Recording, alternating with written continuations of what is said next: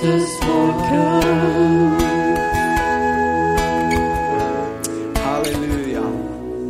Tack Herre för den här förmiddagen. Tack för att vi får vara med tillsammans och prisa dig och göra tjänst inför dig, fira gudstjänst. Och Herre, tack för barnen som får gå på söndagsskola.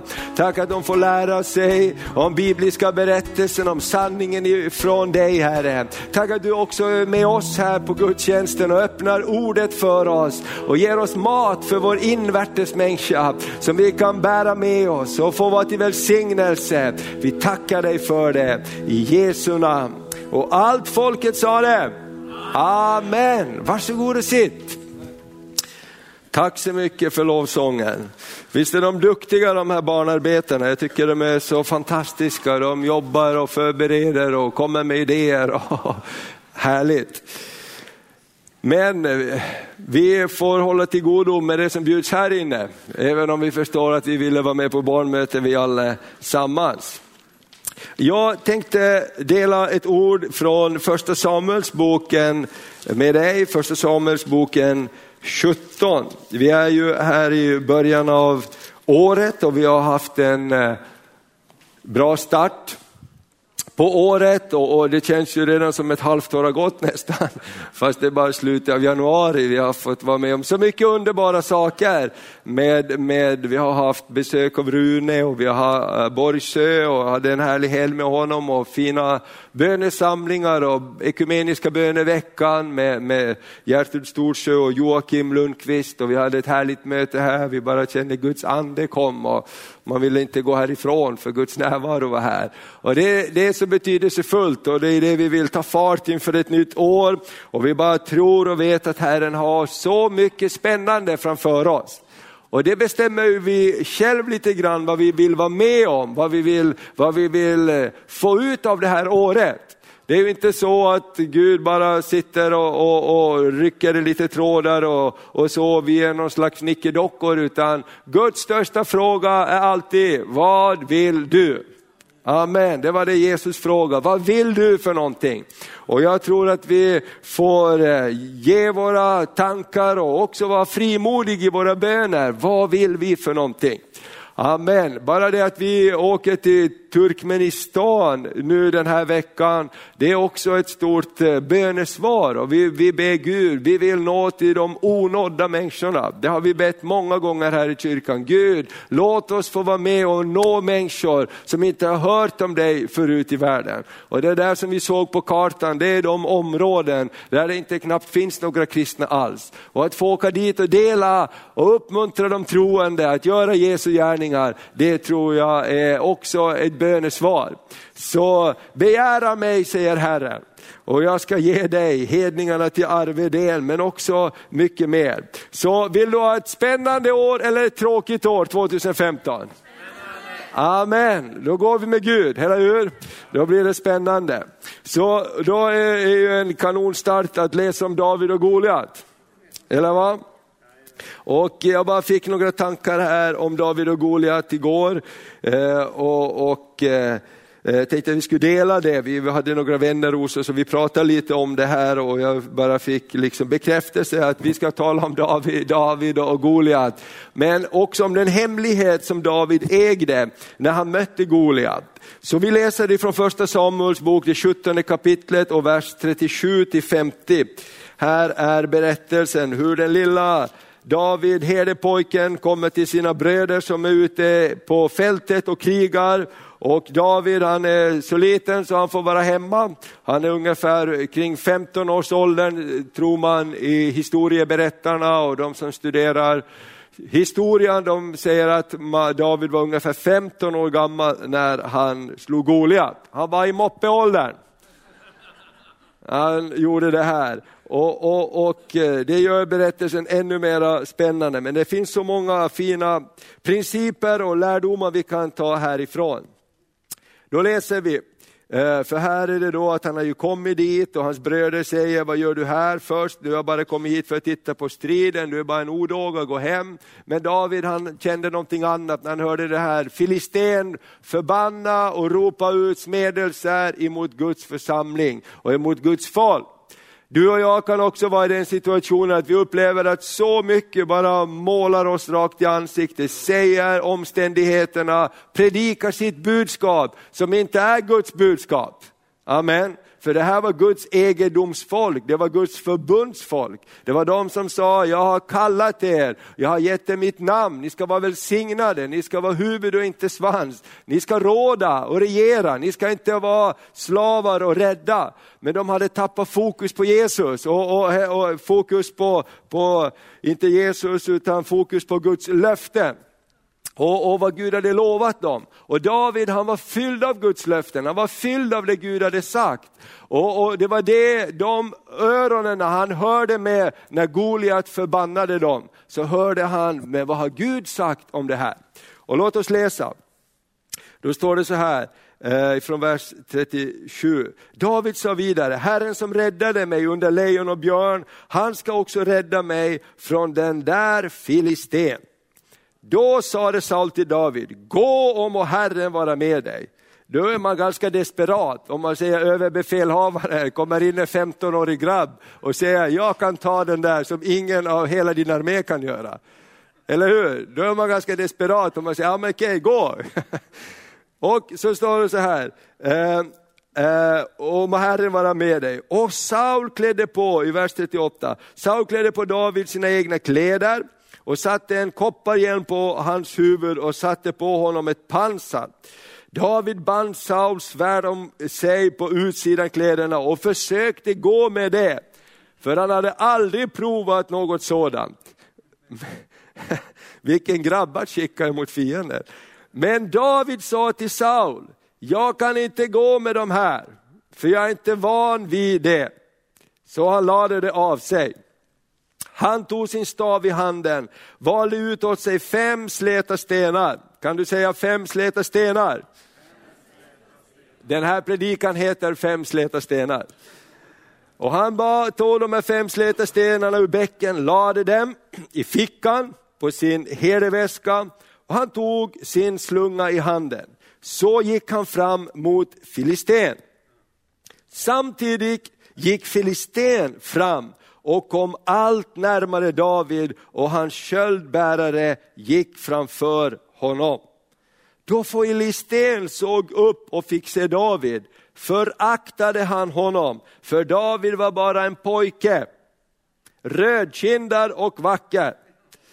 Han sa till David, menar du att jag är en hund eftersom du kommer emot mig med käppar? Och han förbannade David med hjälp av sina gudar. Sedan sa filisten till David, kom hit till mig så ska jag ge ditt kött åt himlens fåglar, åt markens djur. Och då kommer det häftiga i berättelsen. David svarade filisten.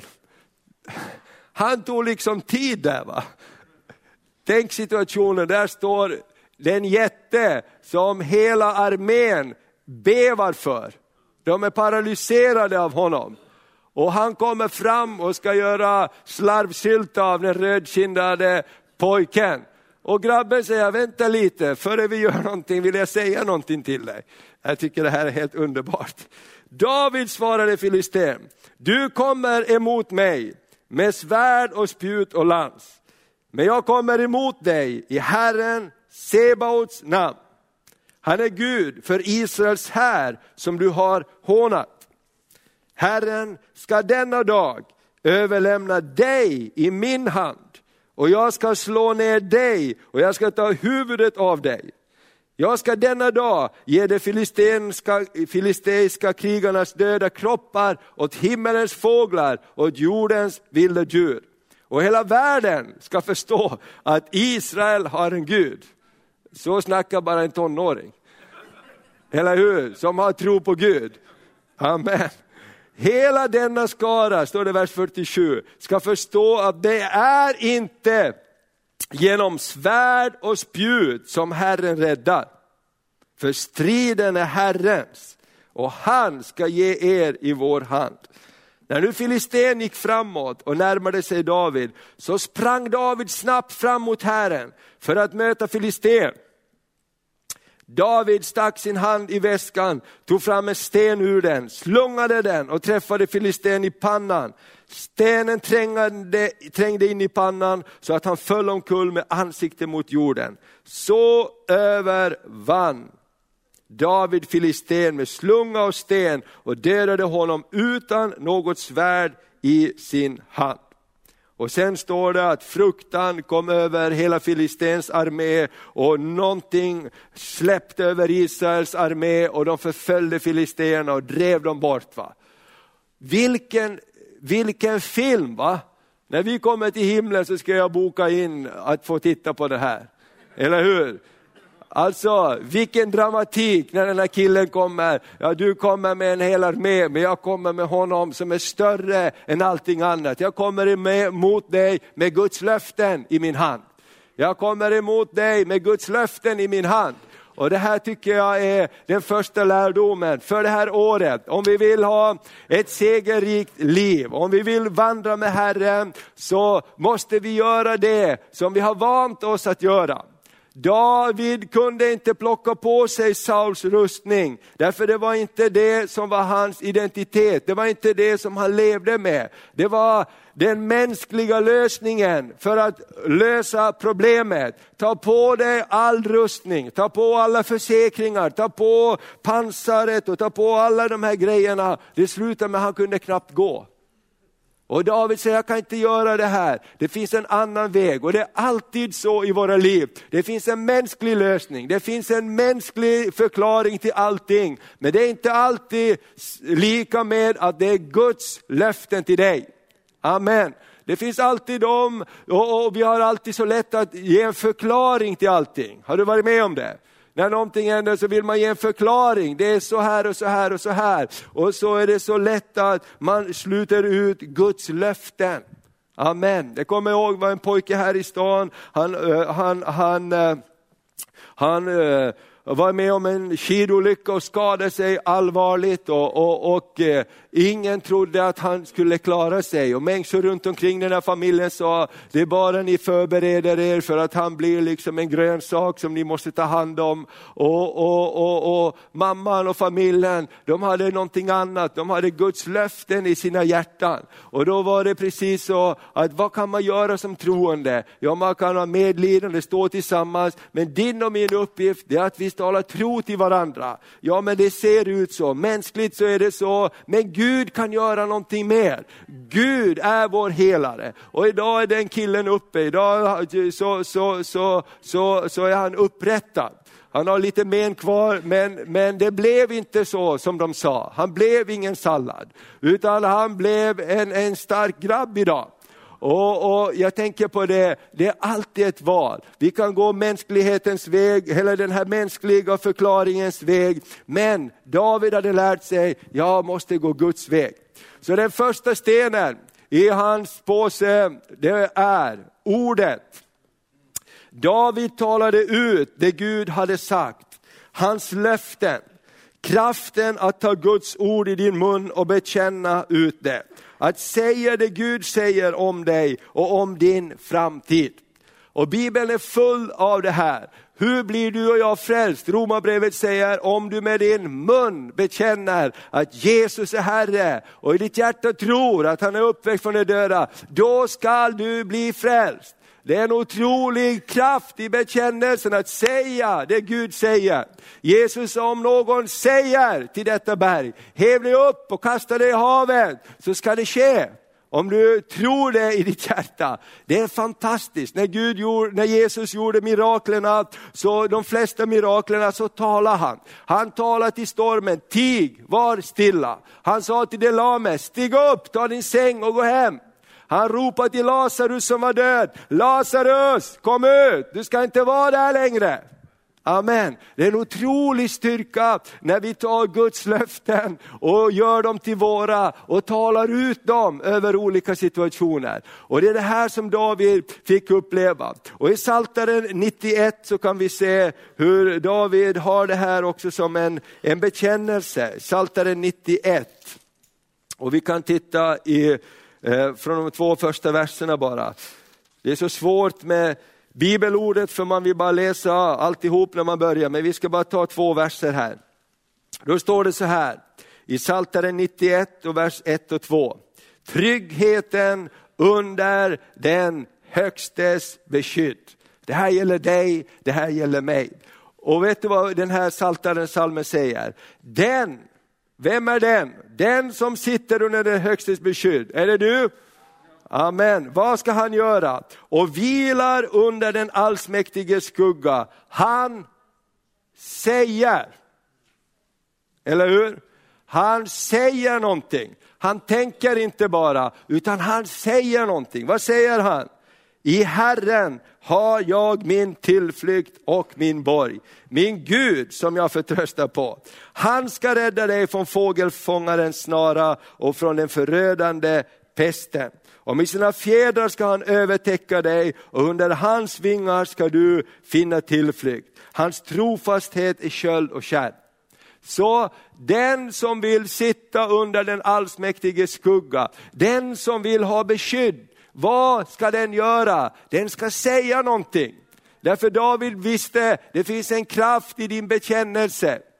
Du vet att vi är så negativt programmerade, vi hör så mycket negativa saker i vår skalle.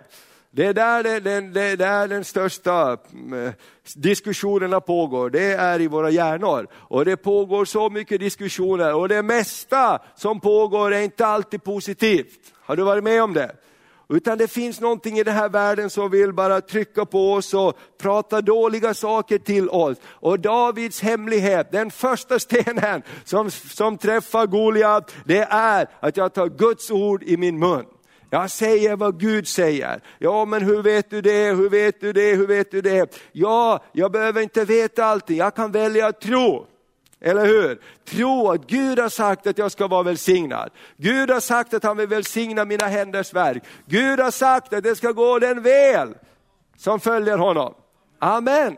Halleluja. Gud har sagt att du ska lyckas väl. Gud har sagt att du har Abrahams välsignelse.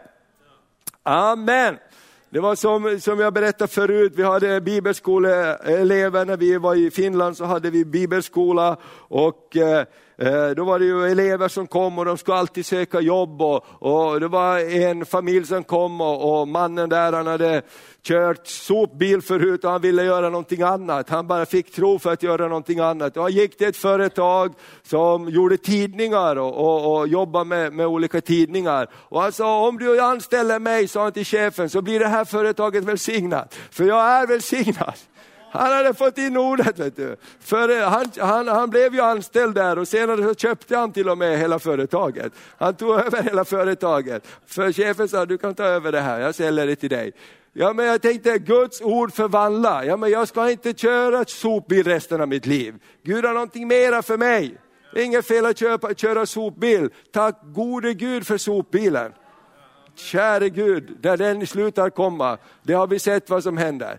Vi har varit i Albanien när Albanien öppnade och all, hela infrastrukturen bröt sönder. Och ingen hämtar soporna. Det, det, Gud välsigne alla som hämtar soporna. Och fixar diskmaskinen också. Och så vidare. Men i alla fall, han, han, han tog det här löftet till sig. I Lukas 21 och 22 så står det, himmel och jord ska förgås, men mitt ord ska inte förgås. Amen. Det som är made in heaven, det här är bra kvalitet. Eller hur? Made in heaven, det som kommer från himlen, det är bra kvalitet. Det förgås inte, det rostar inte, utan det håller. Amen. Så låt oss ta Guds ord och använda det. Och vi vet att Jesus han talar till omständigheterna. Hela det här huset, det har också kommit till genom att vi har talat ut. Det här huset ska vara fyllt av människor som arbetar för Jesus. Amen. För 15 år sedan så gick vi kring här i tomma lokaler. Det var betonggolv och det var omålade väggar i princip. Det var bara vitt här i princip och det var betonggolv överallt och det var tomt. Och min bil var den enda bilen som stod på gården på veckan och det var inget kul att ha kaffepaus ska jag säga på arbete. För det var ingen att fika med, det var tomt här. Men vi gick runt och vi hade bönesamlingar och vi gick från rum till rum och vi bara profeterade, vi säger ut vad Gud säger. Amen, han vill att vi ska lyckas väl, han vill att det ska finnas en verksamhet och det har det blivit. Så jag tänker så här, den första stenen är att vi säger vad Gud säger. Ska du säga om din familj vad Gud säger? Amen. Amen. Dina barn är välsignade.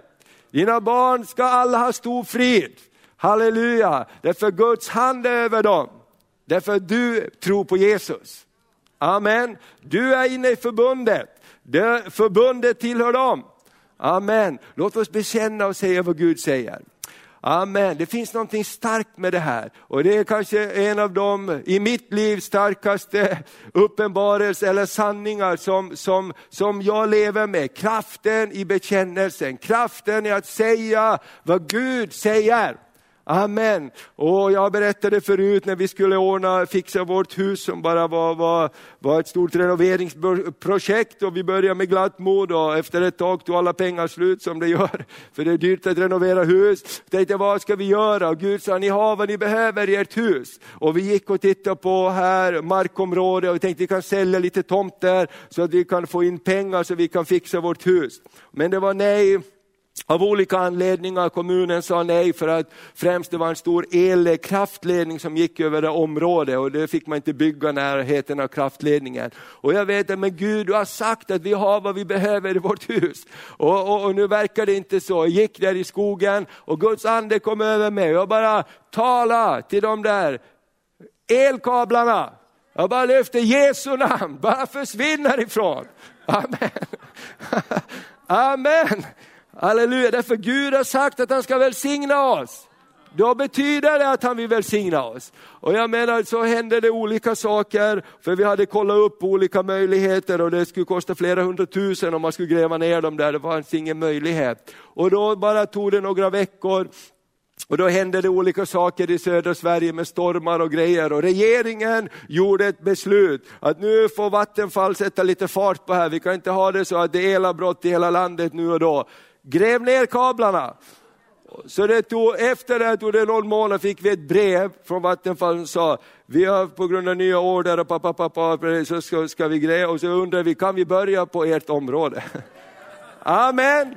Så de kom där, grävde ner alla kablar och så frågade de, kan vi få sätta upp en transformatorhus också på en mark, så betalar vi er hyra för den utrymme. Vi sa det går jättebra, ni får ställa den där uppe vid vägen, den här boxen. Tänk vad Gud kan göra. Amen. Och det är den här dimensionen som David, rödkindad och lätt, en liten pojke som inte fick vara med. Han hade någonting annat. Halleluja, han hade varit med Gud och han tog Guds ord i sin mun. Och vet du vad, det här gäller alla. Min bibel säger Gud gör ingen skillnad. Gud gör ingen åtskillnad på människor. Han är samma för alla. Han är samma för alla. Prisat vare Herrens namn. Amen. Så den första stenen är ordet. Ska vi säga ordet? Amen. Den andra stenen i de fem släta stenar, det är bönen. Och vi vet genom saltaren att Davids liv präglades av ett liv i bön. Hela saltare, salmerna, det är böner och sånger till Gud. Så David, han bad. Han var en, en bedjande människa. Han levde med en dimension där Gud är närvarande i livets alla situationer. Och Det här är en annan sten som kan fälla fienden. Och en del frågar så här, varför plockar David upp fem stenar i sin påse? Han behövde ju bara en sten. En orsak är det här att vi kan predika om det idag.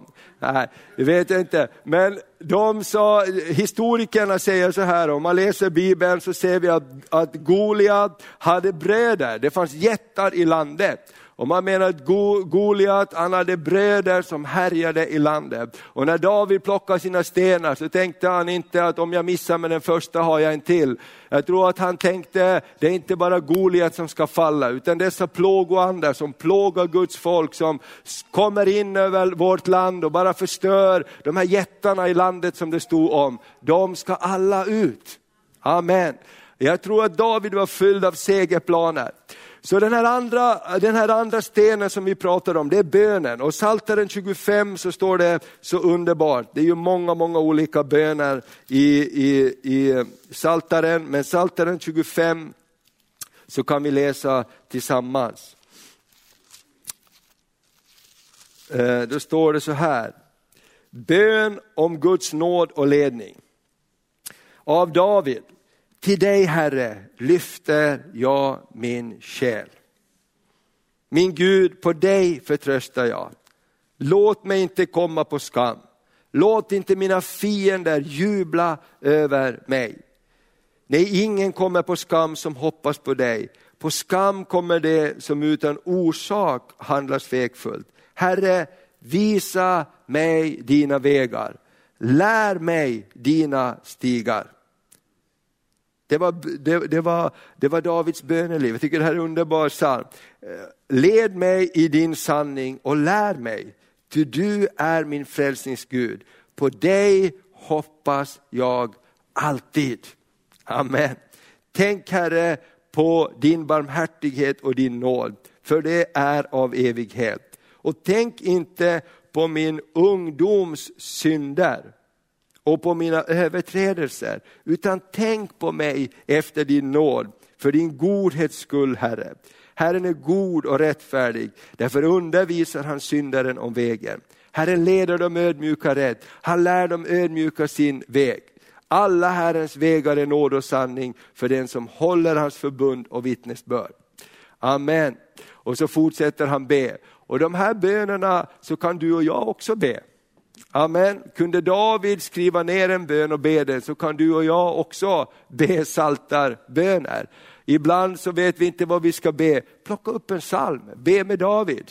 Eller hur? Han hade ganska bra resultat i sitt liv på sina böner. Och just den här också att ge sitt hjärta, utgjuta sitt hjärta. Och bönen får oss att koppla ihop med himlen. Jesus lärde oss att be Fader vår som är i himlen, ske din vilja så som himmelen så och på jorden. Jesus bara, tjadam, Amen, ni är, inte, ni är inte ensamma på jorden. Vi och, och, i himlen och ni på jorden, det finns ett samband där. Så den andra stenen som David hade i sin, sitt kågel eller sin påse, det var bönen. Amen. Och det står också i Apostlagärningarna 2.45 att dessa höll fast vid bönerna. Den första församlingen, de höll fast vid olika saker. När behöver man hålla fast vid någonting? När det stormar till exempel, när det är kraftig lutning i livet. Eller hur? Då måste man grabba efter någonting att hålla fast vid. Och Bönen var någonting man höll fast vid. Vet du vad, de flesta människor löser sina utmaningar på olika sätt när man kommer i, i, i, i olika livssituationer och, och någonting bara händer på insidan och folk söker någonting att hålla fast vid. En del flyr in i arbete, andra flyr in i droger, andra flyr in i någonting, bara man får lite andrum, bara jag får någonting att hålla fast vid en stund. Amen. Det var som i Fänrik Ståls sägner som vi fick läsa när vi gick i skolan och var barn. Och han skulle kriga mot, mot, mot fienden och han var skadad. Och så sa han till, till doktorn, ge mig en dos som gör att jag står på benen idag och kan kriga, även om jag är fem gånger sämre imorgon. Va? Han skulle upp och kriga. Och så löser ju man många gånger problem. När man får ångest, när man får olika saker, människor som hamnar in i olika former av beroende. Många gånger är det en inre kamp som pågår och man söker någonting att hålla fast vid. Eller hur? Vad det än är, även om det blir värre imorgon, så vill jag hålla fast vid det idag, om det kan hjälpa mig idag.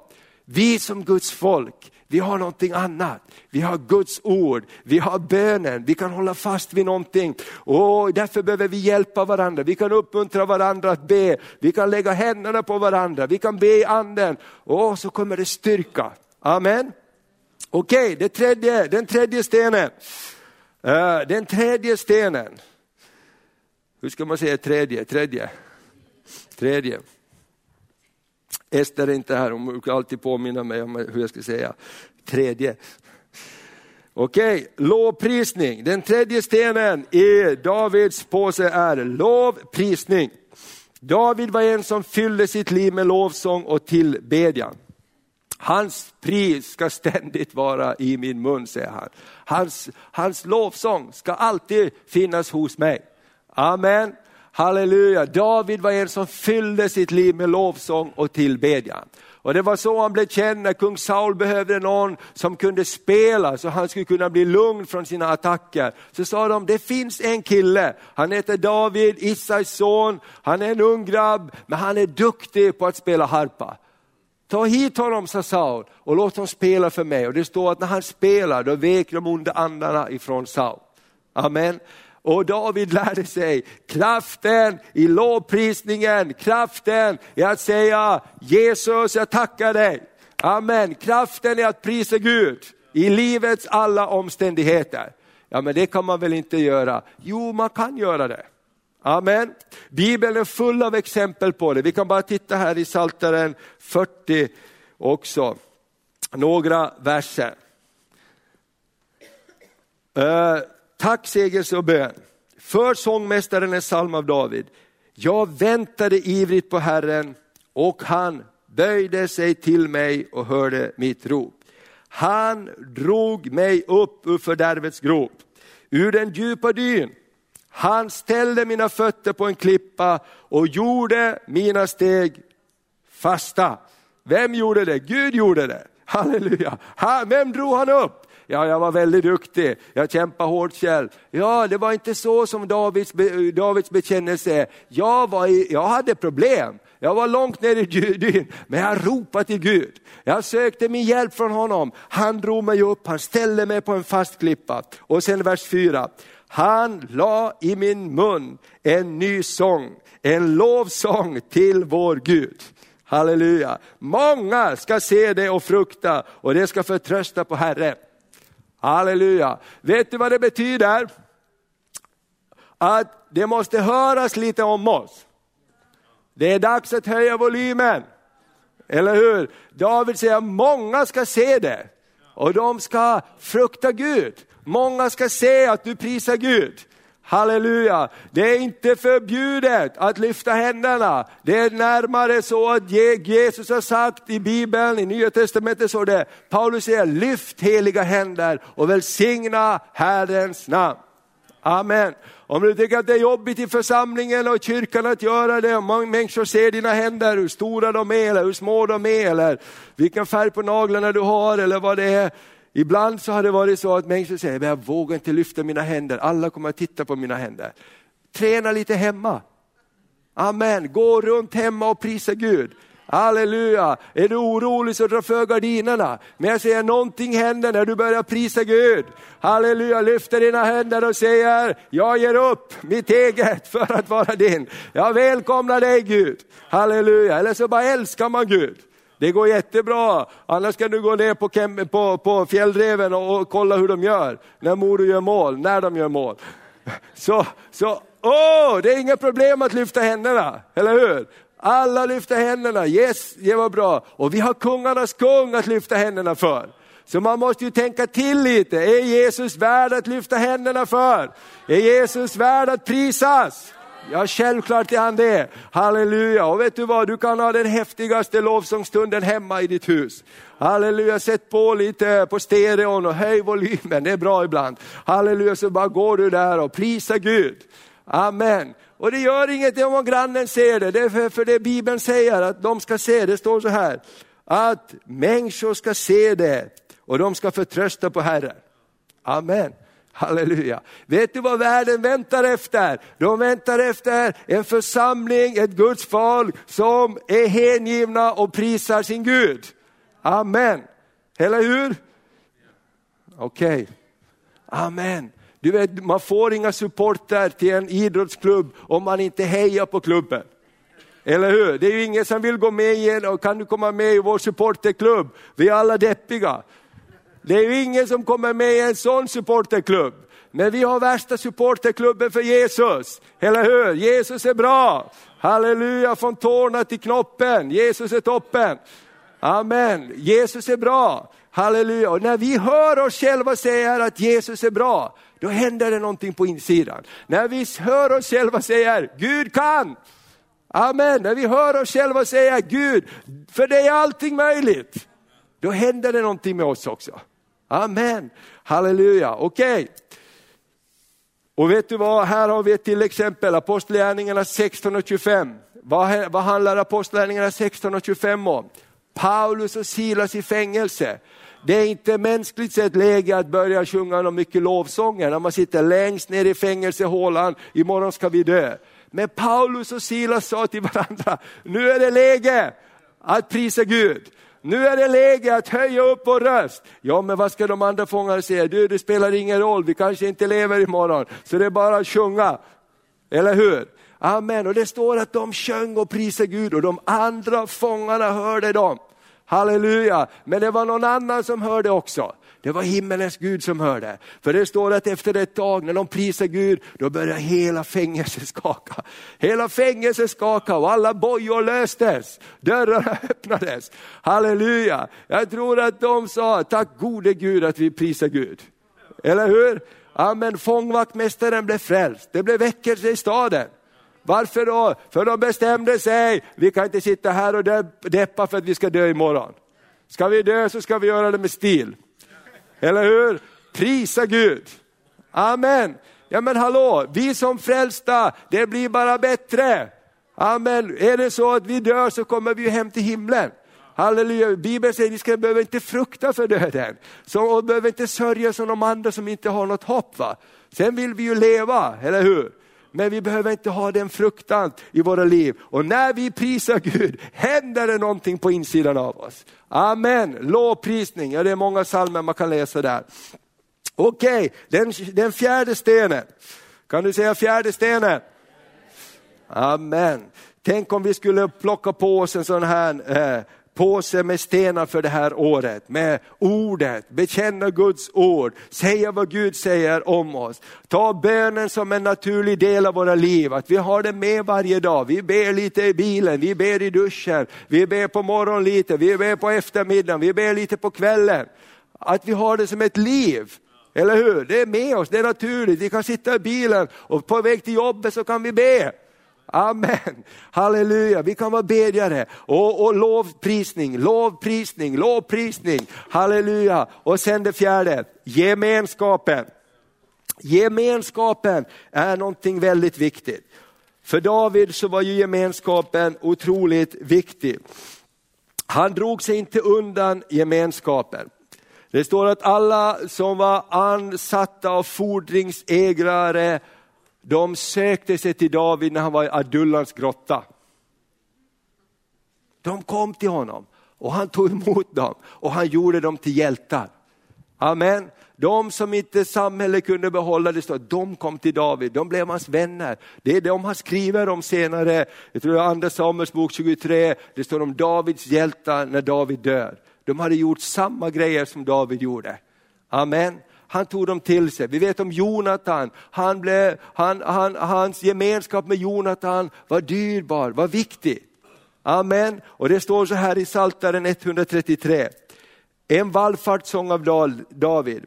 Se hur gott och ljuvligt det är när bröder bor endräktigt tillsammans. Gemenskapen, det var en sten i hans väska när han skulle fälla fienden. Det är som den dyrbara oljan på huvudet. Det ringer ner i skägget, i Arons skägg och ner över kragen på hans dräkt. Det är som Hermons dag som faller ner på Sions berg. Och vad säger det mera? Där ger Herren befallning om välsignelse och liv. Amen. Var gör han det? Jo, i gemenskapen. När vi har gemenskap med varandra, gemenskap där Jesus får vara med i gemenskapen, så säger Bibeln, där så utgjuter jag min välsignelse. Det är en väldigt bra grej.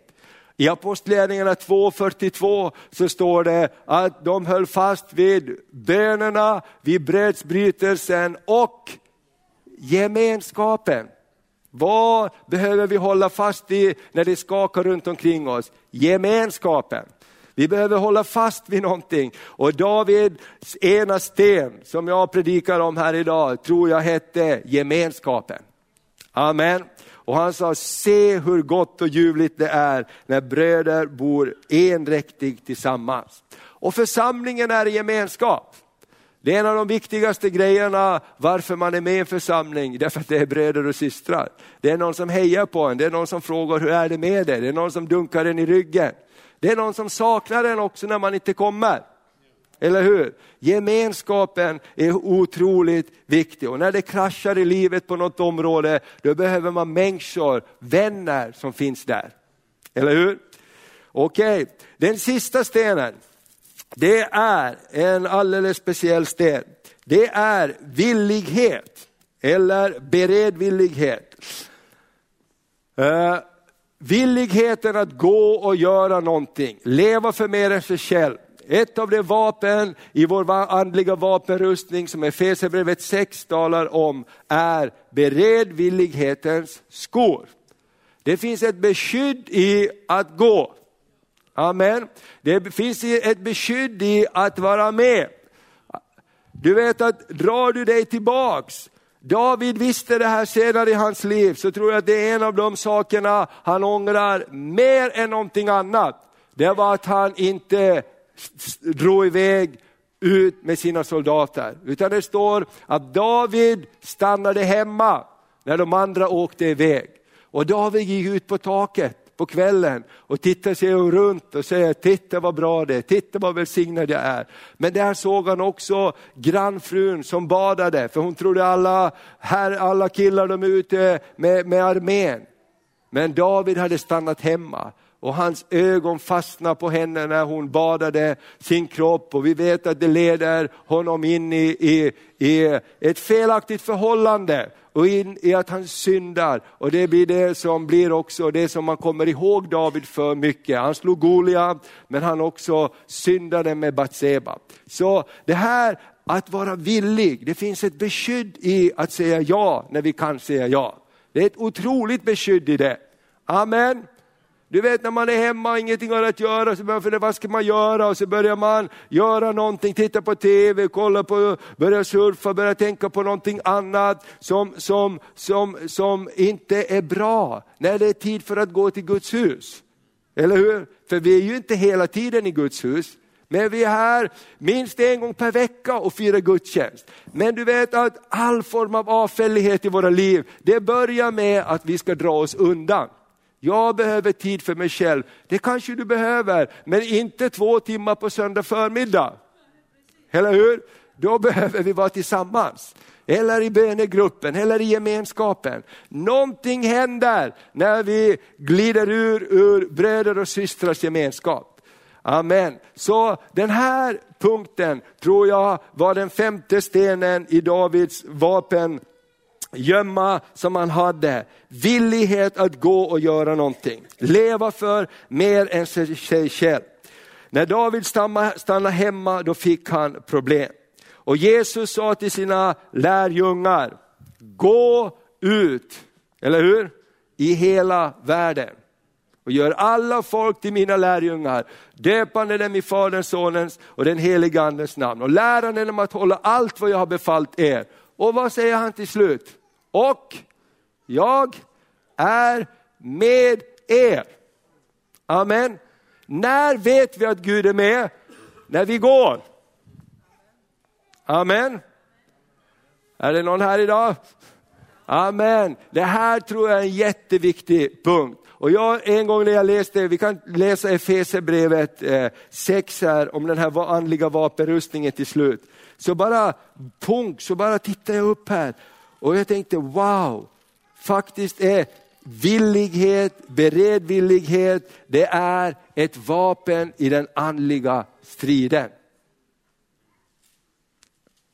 Att ta på sig beredvillighetens skor, det är ett beskydd för våra liv. Efesierbrevet 6 och 10, då står det så här. Till sist, bli starka i Herren och i hans väldiga kraft. Ta på er hela Guds vapenrustning så ni kan stå emot djävulens listiga angrepp.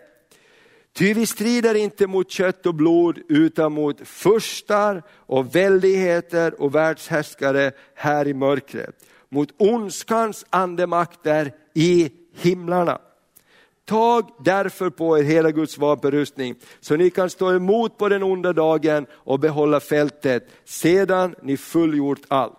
Stå fasta, spänn på er sanningen som bälte kring era höfter och kläd er i rättfärdighetens pansar.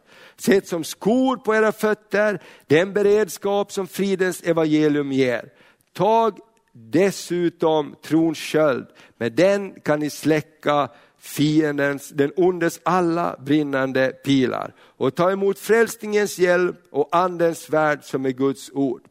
Och här står det speciellt att vi ska sätta på våra fötter i vers 15, den beredskap som fridens evangelium ger. Amen. Så gemenskapen är ett fantastiskt beskydd i våra liv.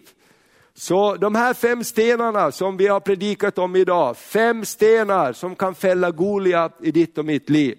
Det första är ordet, ska vi säga ordet? Att säga vad Gud säger. Det andra är bönen. Amen, vi lever med Gud varje dag. Vi har inte speciell tid, nu ska jag be. Det kan vi också ha, det är bra att vi har. Men vi kan ha bönen som pågår hela tiden. Amen. Och det tredje, lovprisning. Det var inte många som var med där. Det tredje, lovprisning. Halleluja, prisa Gud, höj volymen där hemma ibland. Halleluja. Och det fjärde, gemenskapen.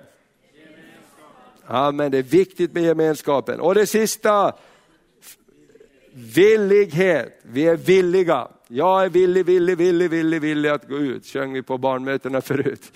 Amen, villig, villig, villig, villig, villig att gå ut. Så ibland så får man höra det här, säg nej, och, säg, säg nej om du kan. Men jag, låt oss svänga på det och säga, säg alltid ja när du kan. Amen, säg alltid ja när du kan. Amen, köttet söker alltid en utväg. Hur ska jag komma ur det här? Kan jag säga nej? Tänk, finns det en möjlighet att säga ja så vill jag säga ja. Amen. Underbart. Så våra liv bygger på våra vanor. Och allt det här, om vi går tillbaks till det här, nu ska jag knyta ihop min predikan här. Det börjar med att David sa så här när Saul plockade på honom vapenrustningen, jag är inte van med det här.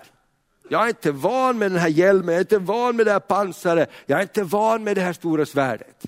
Så det betyder att Davids segervapen, det var att han gjorde det var han var van att göra.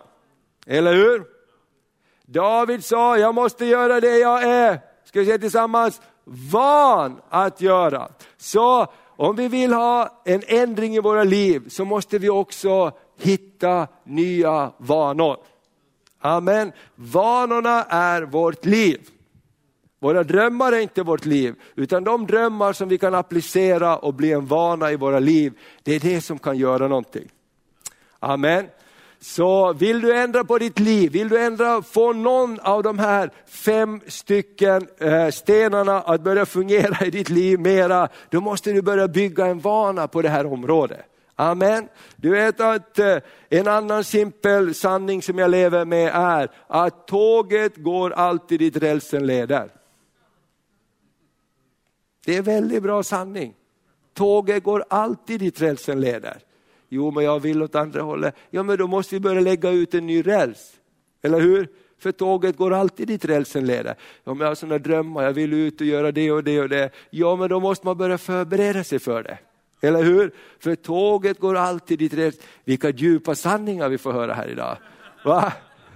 Tåget går alltid dit rälsen leder, men fattar vi det i våra liv så är det väldigt bra. Jag menar någon av oss måste börja tänka till, fortsätter jag att göra som jag håller på idag, var slutar den destinationen? Jo, men, ja, men, ja, men jag kan ändra lite fort. Man ändrar inte lite fort i sitt liv. Eller hur? Du vet, man ska börja, hur många har bestämt sig mer än tre gånger att börja motionera? Jag tror nästan alla har bestämt sig mer än tre gånger. Varför gör man det? Därför man kommer inte igång. Eller hur? Och vill jag komma någonstans, då måste jag börja lägga ut räls åt det hållet. Va? Halleluja. Underbart, amen. Så vad säger vi då? Det, det bästa ligger framför, det bästa det har vi kvar. Halleluja, Gud säger att han vill välsigna dig det här året. Amen. Du har själv sagt, jag vill ha ett spännande år i år. Amen. Amen. Ja, hur många vill slå, slå en Goliat i ditt liv? Amen. Halleluja. Hur många känner, jag har en Goliat som håller på att grina där i bakgrunden. Amen. Halleluja. Idag har vi fått några stenar, tror jag, som vi kan använda. Amen. Och bara det som vi får till i oss. Om du tar tag i en av de här stenarna så kan det räcka för att slå Goliat. Amen. Kanske någon tog tag i en sten, kanske någon tog tag i en annan sten, en annan tog tag i en tredje sten.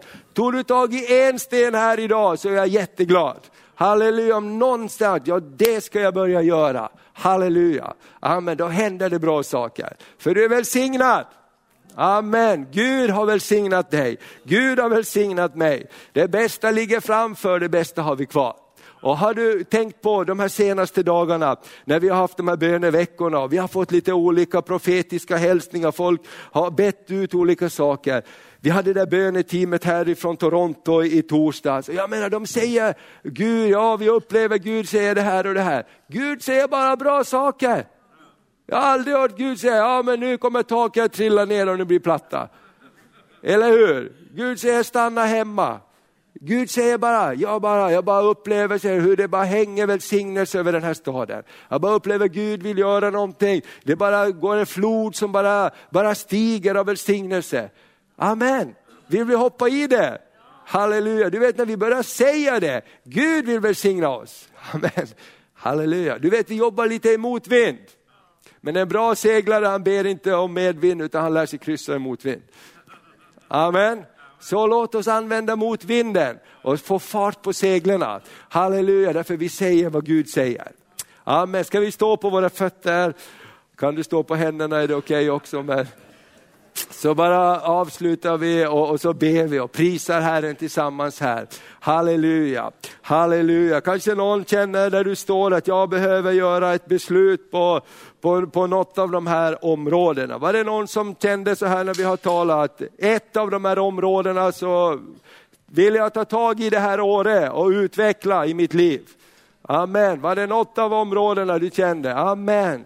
Bara tacka dig Herre. Vi bara prisar dig Gud att vi bara erkänner vårt beroende av dig och vi vill ha mer av dig Herre. Och vi bara förstår också att det går inte bara att drömma och längta utan vi måste få ner plogen i marken. Vi måste få ner det i våra fötter och våra händer. Ordet måste bli kött och ta sin boning ibland oss. Och jag bara tackar dig Herre för alla mina vänner. tacka dig Fader för det året som ligger framför. Tack att det bästa ligger framför. Det bästa har vi kvar. Tack att du bara hjälper oss att bada i din godhet. Tack att du hjälper oss som David som säger bara i dig har min själ sin ro. Gud du är nådefull och barmhärtig. Du går inte ständigt till rätta med alla mina brister och felsteg utan du är nådefull och barmhärtig. Du älskar mig för din godhets skull och du lyfter mina fötter ifrån den djupa dyn och du ställer mina fötter på den fasta klippan. Fader vi prisar dig i Jesu Kristi namn. I Jesu Kristi namn. Halleluja, Jesu namn Herre. Jag ber också om heliga beslut som, som fattas den här dagen. Herre vi har ett nytt år framför oss och vi vill inte stå här i, i, i avslutningen av det här året och säga att jag hade bara en dröm. Utan Herre hjälp oss att, att bara förfina de här områdena. Så när den här Goliat kommer och den mänskliga lösningen presenteras för oss. Hjälp oss då att som David säga, men jag är inte van med det. Jag har vant mig med någonting annat. Jag har vant mig med, med, med lite andra saker som jag tror att kommer att hjälpa här. Herre, jag bara prisar dig för det. I Jesu Kristi namn.